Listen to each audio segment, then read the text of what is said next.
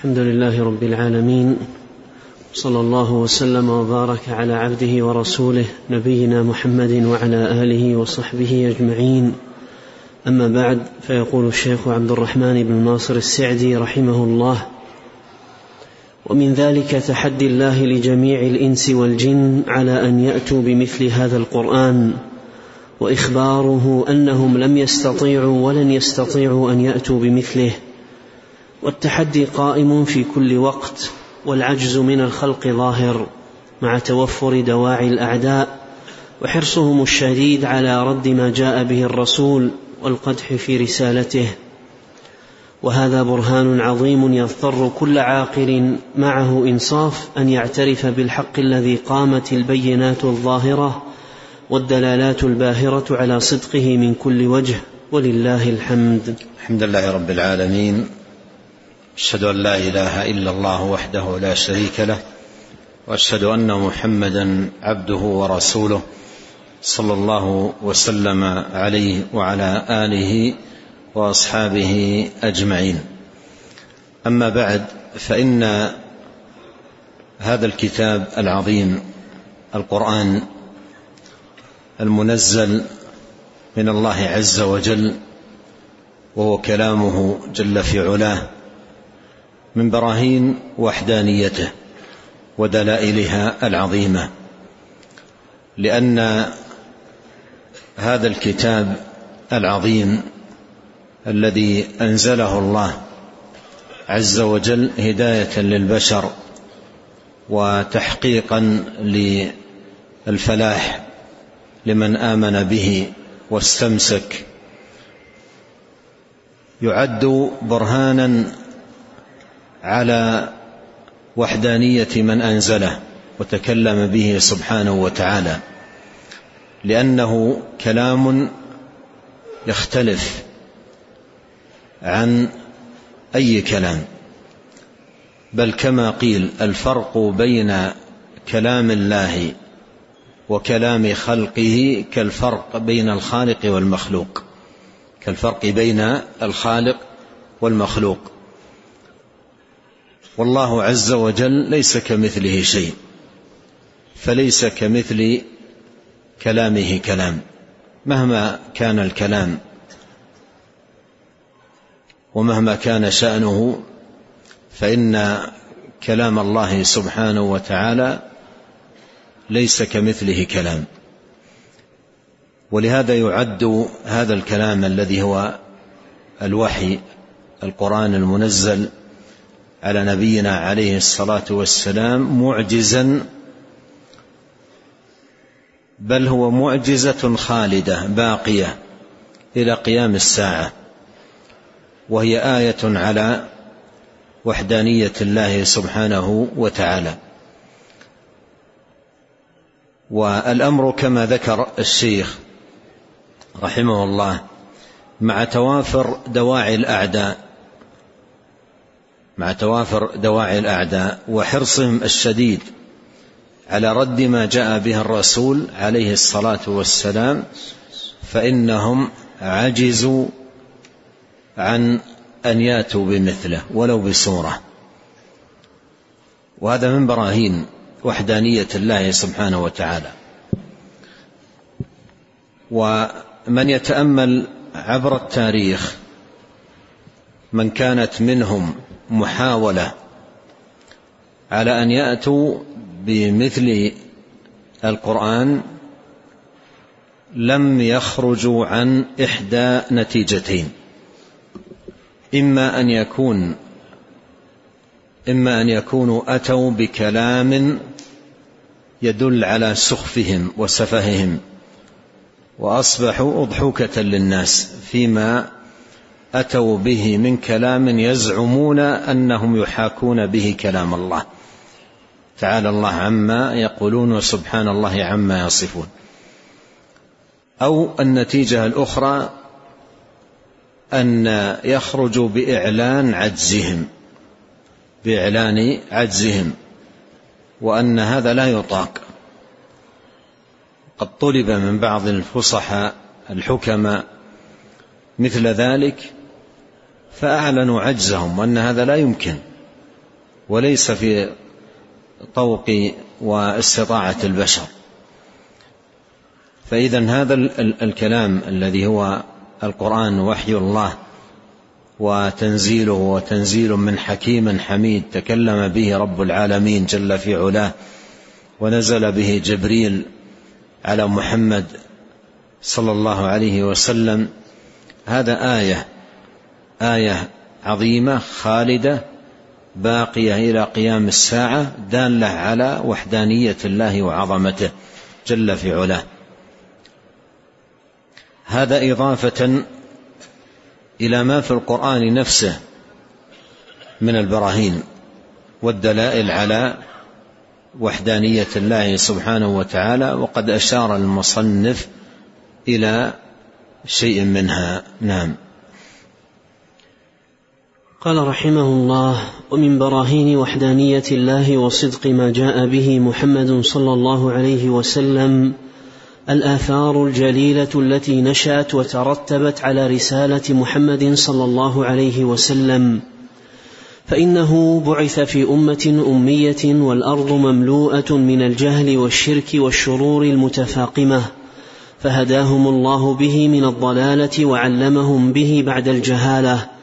واستقامت أخلاقهم وصلحت أعمالهم وامتلأت الأرض من الخير والهدى والصلاح وانتشرت الرحمة والعدل وتم به الفلاح والنجاح وفتحت القلوب بالعلوم النافعة والمعارف الصحيحة والإيمان وأظهر الله دينه على سائر الأديان وانتشر وقبلته القلوب المستقيمة في جميع الأقطار وزهق به كل باطل ومحال.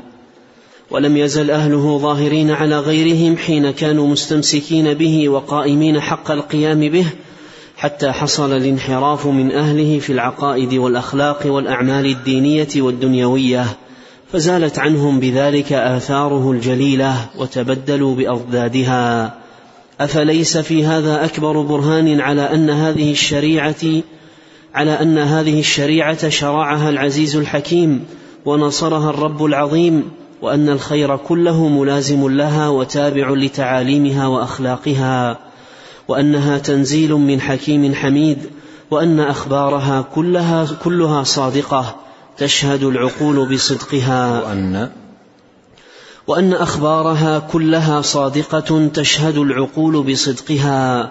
ولم يأت منها خبر واحد صحيح يناقض الواقع ويخالف المحسوس فإنها لا تأتي بما تحيله العقول وربما آتت بما تحار فيه العقول ولا تهتدي إليه لأن في الشريعة من التفاصيل العظيمة الخبرية والحكمية ما لا تصل إليه عقول العقلاء ولا تهتدي إليه فطنة الفطناء. ولم يأتي علم صحيح أو نظرية صادقة متفق عليها يبين العقلاء تناقض ما جاء به الرسول محمد صلى الله عليه وسلم. وهل في البراهين اليقينية أعظم من هذا البرهان وأوضح من هذا البيان؟ وتمت كلمة ربك صدقا وعدلا. صدقا في إخبارها وعدلا في أحكامها وشرائعها. نعم هذا أيضا من البراهين براهين وحدانية الله وأيضا براهين صدق الرسول الكريم عليه الصلاة والسلام وصدق ما جاء به وأن ما جاء به هو وحي منزل من من الله تبارك وتعالى آه، رب العالمين. والبرهان هو النظر في الآثار النظر في الآثار المترتبة على هذه الرسالة وعلى هذا الوحي المنزل على محمد عليه الصلاة والسلام. فإن من نظر في الآثار ممن أكرمهم الله أو في من أكرمهم الله عز وجل فتلقوا هذه الرسالة بالقبول وصاروا أنصارا لها كيف أن الله عز وجل أيدهم بنصره؟ وكان حقا علينا نصر المؤمنين. إن الله يدافع عن الذين آمنوا. فيجد الآثار أن الله عز وجل مكن لأهل هذا الدين وأنصاره وأن رقعته اتسعت وأمره انتشر ولا يزال في علو ما استمسك أهله به.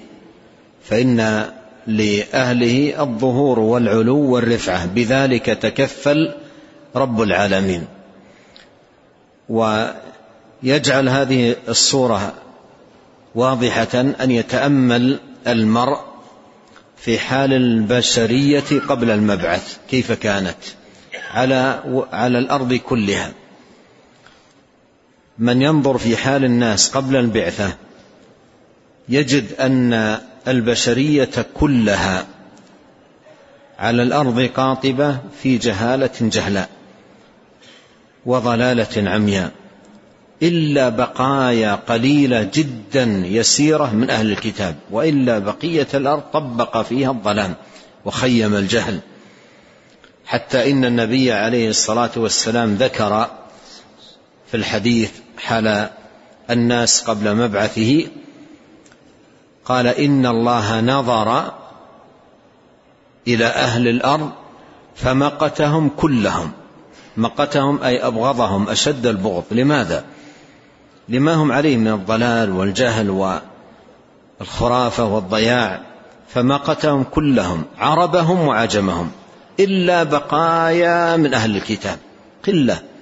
وإلا الأرض كلها خيم فيها. الضلال وطبق. الجهل أرجاءها. فبعث هذا النبي عليه الصلاة والسلام بالنور والضياء.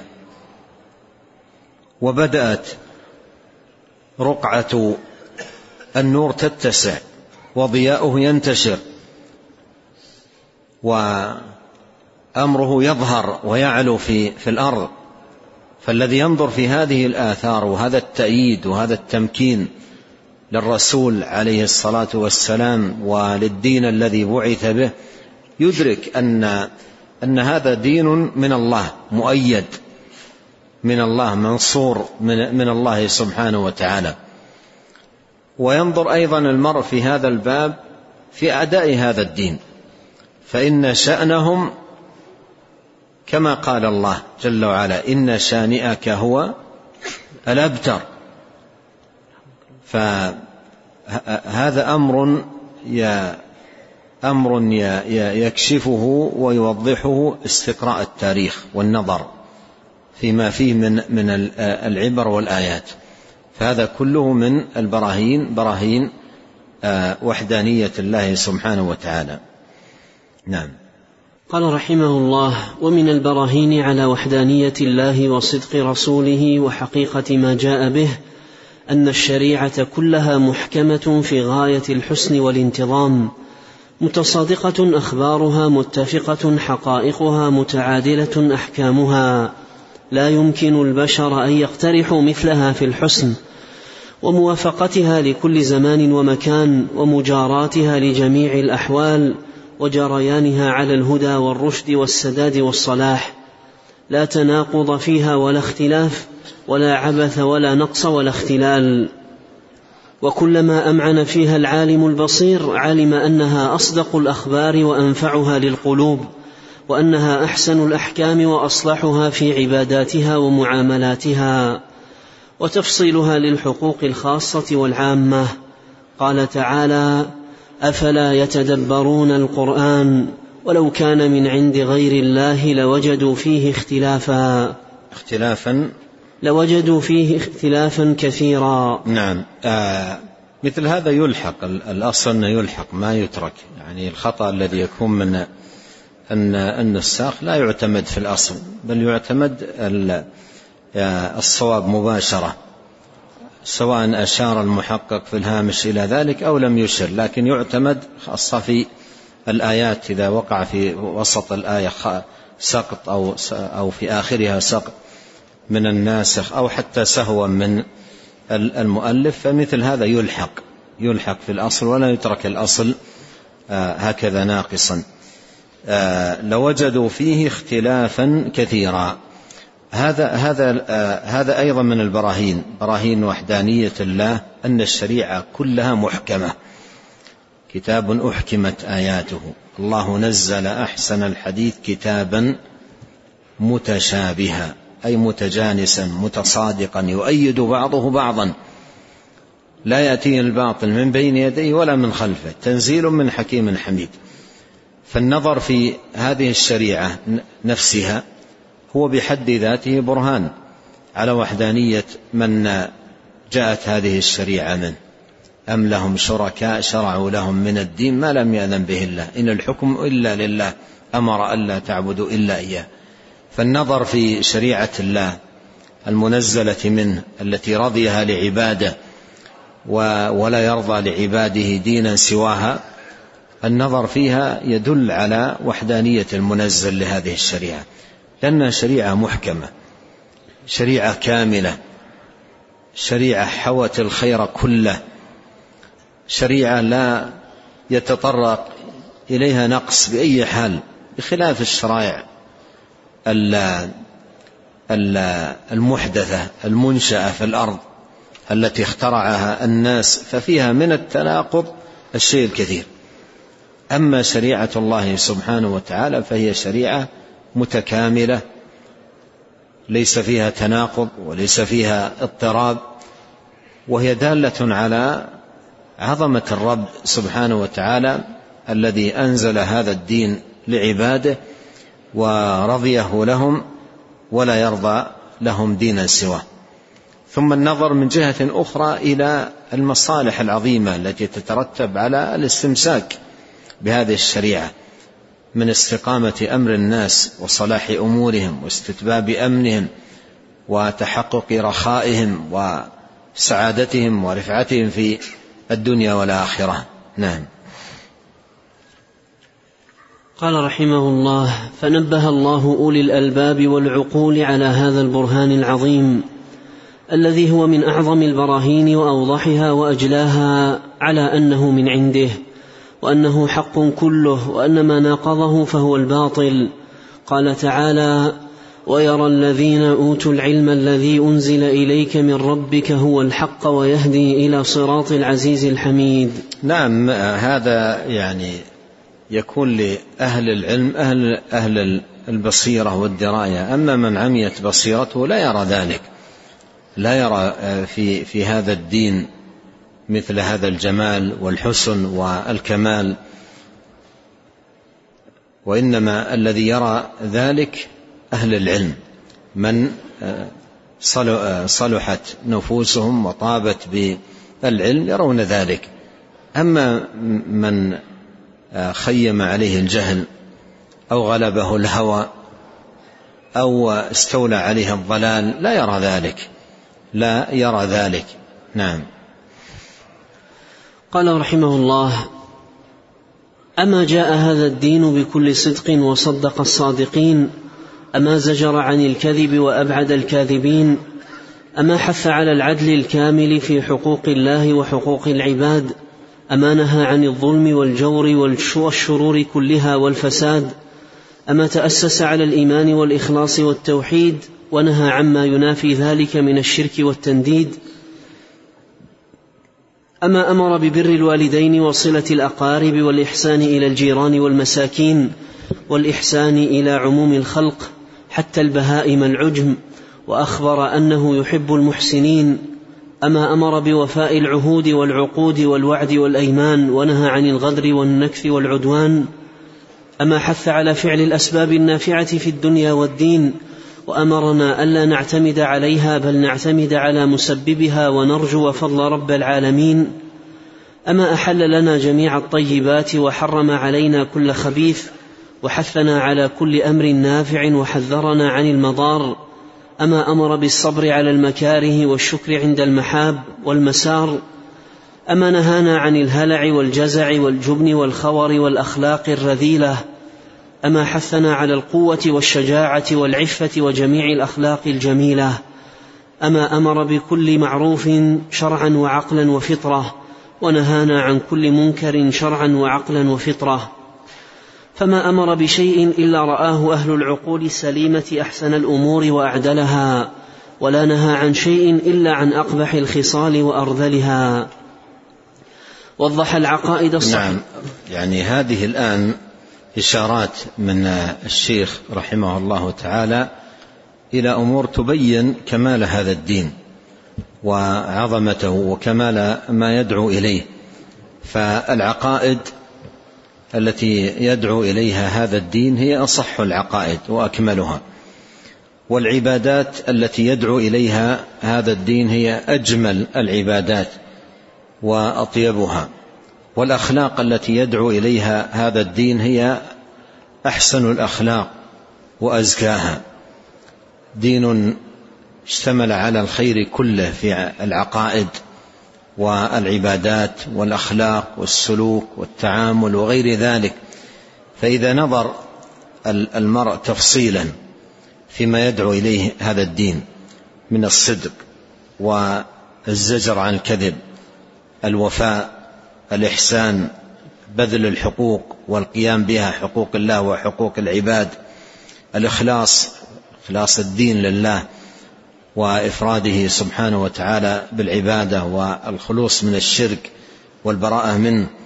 ما يدعو إليه هذا الدين من البر بالوالدين والصلة للأرحام والإحسان للجيران والأقارب والمعاونة للمحتاجين ورعاية الأيتام وكفالة الأرامل وإلى غير ذلك. ما جاء في هذا الدين من الوفاء بالعقود والعهود والأيمان والنهي عن النكث والعدوان والظلم الحث على بذل الأسباب من ينظر تفصيلا فيما يدعو إليه هذا الدين يهديه ذلك إلى عظمة هذا الدين وأنه منزل من الله سبحانه وتعالى. إذا كان في الناس من أسلم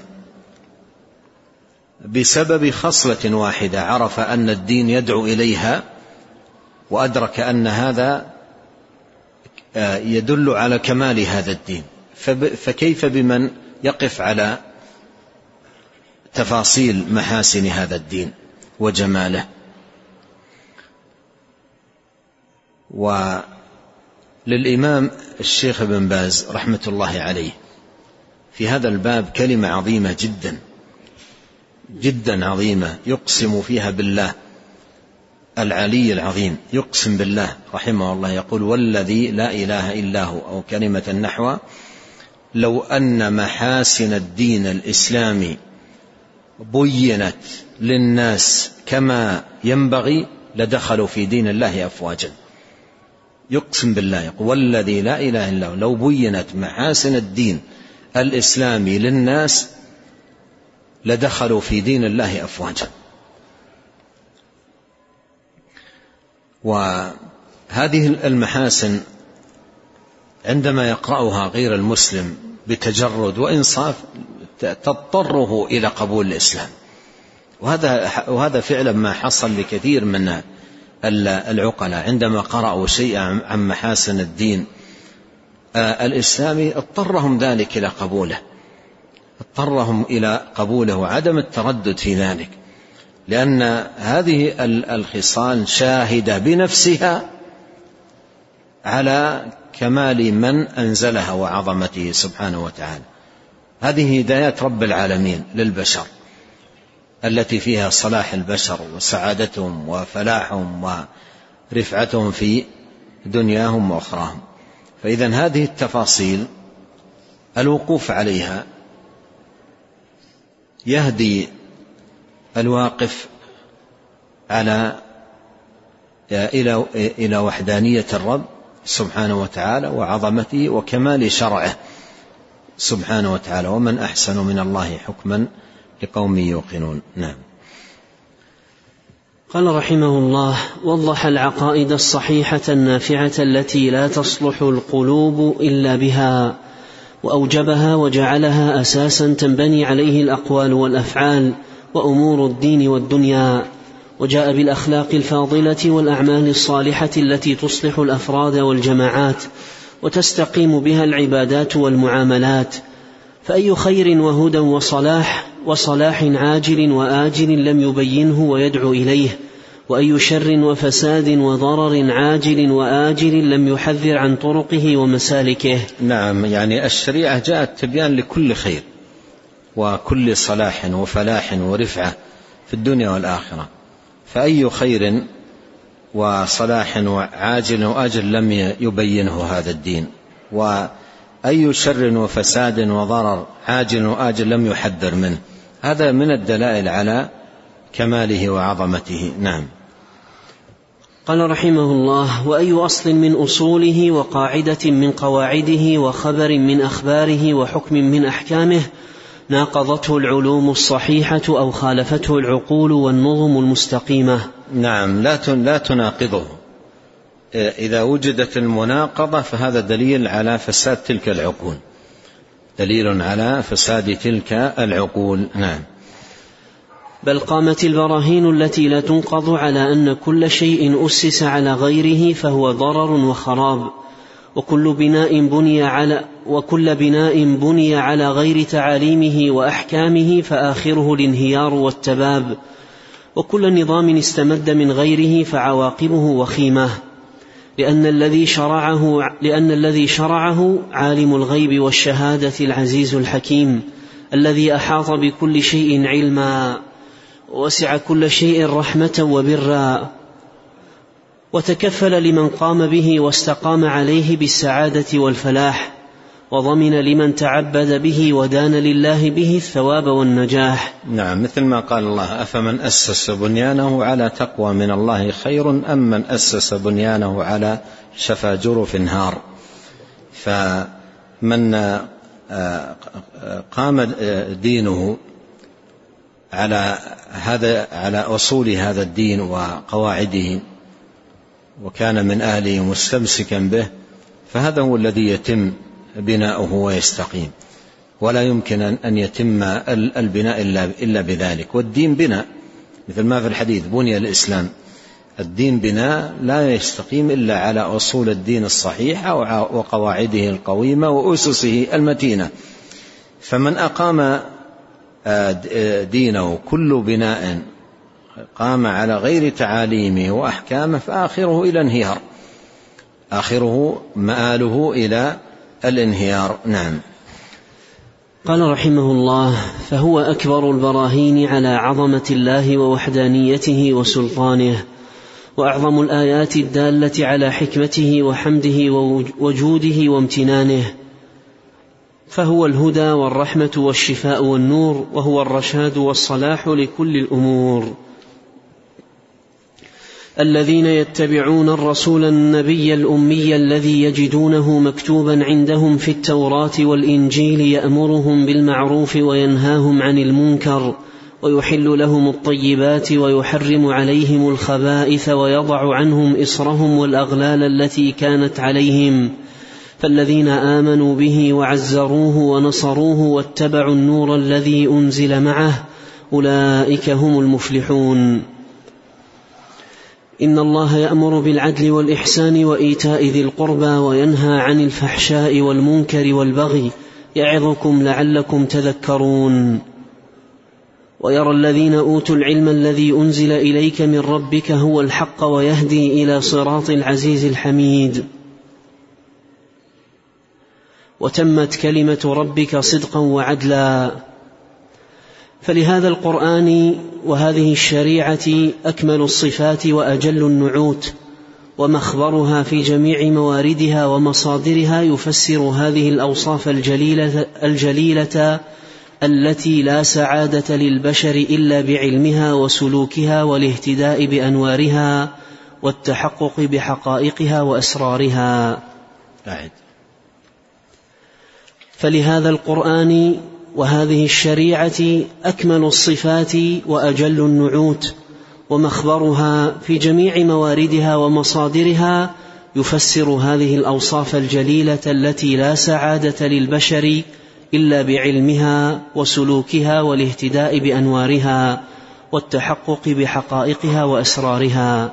نعم بهذا ختم رحمه الله هذا الفصل في أن الشريعة نفسها من نظر في أحكامها وعقائدها والسلوك والأخلاق التي دعت إليها هي نفسها دليل وبرهان على وحدانية الرب وأن هذه الشريعة لا يمكن أن تكون إلا منزلة من رب عظيم وخالق جليل وعليم خبير سبحانه وتعالى وحكيم حميد جل في علاه فالشريعة نفسها في إحكامها وإتقانها وكمالها وشمولها للخير كله هي في نفسها دليل على وحدانية الله وعظمته سبحانه وتعالى.